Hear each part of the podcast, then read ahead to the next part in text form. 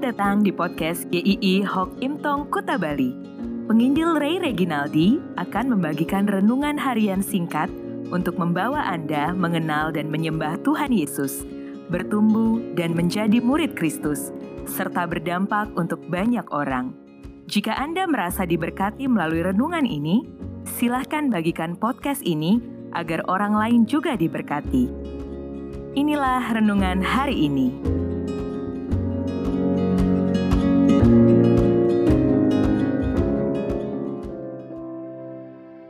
Pesta Sang Raja bagian 2 Matius 22 ayat 1 sampai 14 Di bulan Juni 1990 surat kabar Boston Globe memuat sebuah cerita yaitu tentang pernikahan yang aneh, pesta pernikahan yang aneh. Seorang wanita dan tunangannya pergi ke Hotel Hyatt di pusat kota Boston dan memilih menu makanan untuk pesta pernikahan mereka, memilih piring dan peralatan makan yang akan dipakai, sudah merancang posisi bunga nantinya seperti apa, dan sudah membayar DP setengahnya, yaitu setengah dari 13 ribu dolar, kira-kira sekitar 189 juta. Itu di tahun 1990, cukup besar. Lalu mereka pulang dan mulai menyiapkan kartu-kartu undangan. Ketika mereka sudah mengirimkan kartu-kartu undangan sudah sampai ke tempat tujuan, tiba-tiba calon suami mengalami keraguan. Dia bilang, "Saya tidak yakin. Ini komitmen yang besar. Ayo kita pikirkan dulu." Wah, si wanita ini marah sekali. Dan dia kembali ke Hotel Hyatt untuk membatalkan pesta itu. Manajernya berkata, "Aduh, sayang sekali, saya mengerti perasaan Anda. Tapi untuk pengembalian dana, kontraknya udah mengikat nih. Kami cuma bisa mengembalikan dana hanya 1.300 dolar." Anda punya dua pilihan, merelakan sisa uang mukanya atau meneruskan pestanya. Lalu wanita ini berpikir-pikir sejenak. Akhirnya dia memutuskan, oke lah saya akan tetap melaksanakan pestanya dia mengundang semua orang-orang tunawisma, orang-orang terpinggirkan di kota Boston itu untuk hadir di pestanya. Di bulan Juni 1990 itu, Hotel Hyatt di pusat kota Boston. Di sana ada sebuah pesta yang belum pernah terlihat sebelumnya. Orang-orang biasanya makan pizza yang telah dibuang di tempat sampah, sekarang makan mewah makanan yang fresh, yang baru. Para pelayan hayat yang berpakaian taksido menyajikan hidangan kepada tunawisma tua, orang-orang miskin, pengemis yang memakai tongkat, perempuan jalanan, gelandangan. Mereka menikmati anggur mahal, kue enak.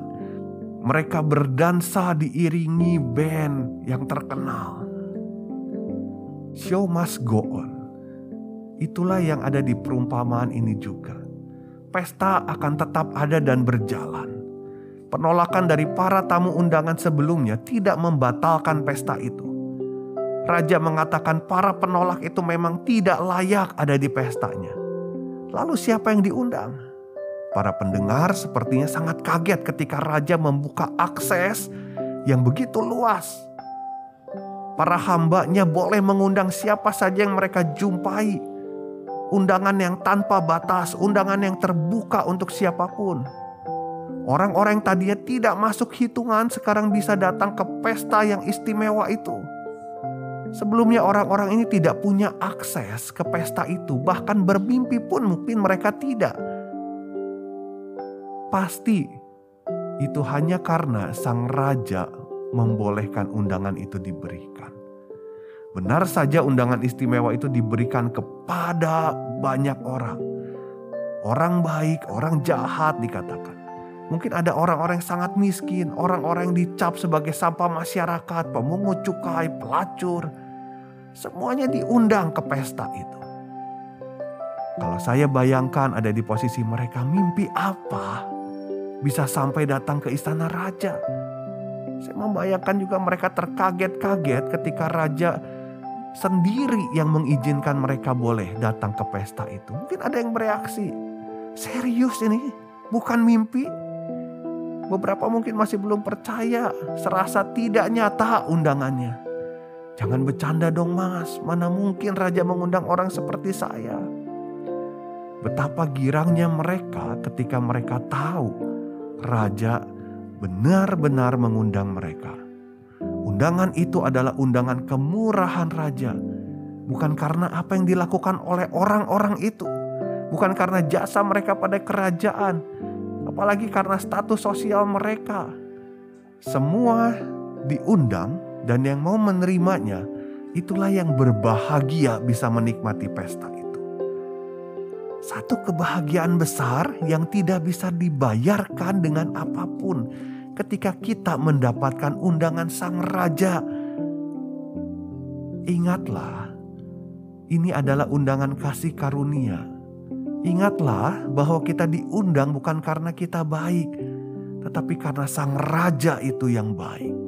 Ingatlah untuk tidak henti-hentinya bersyukur atas undangan istimewa dari Tuhan untuk kita karena kita sebetulnya tidak layak, tapi kita diundang. Sampai jumpa pada bagian yang ketiga di esok hari. Tuhan memberkati.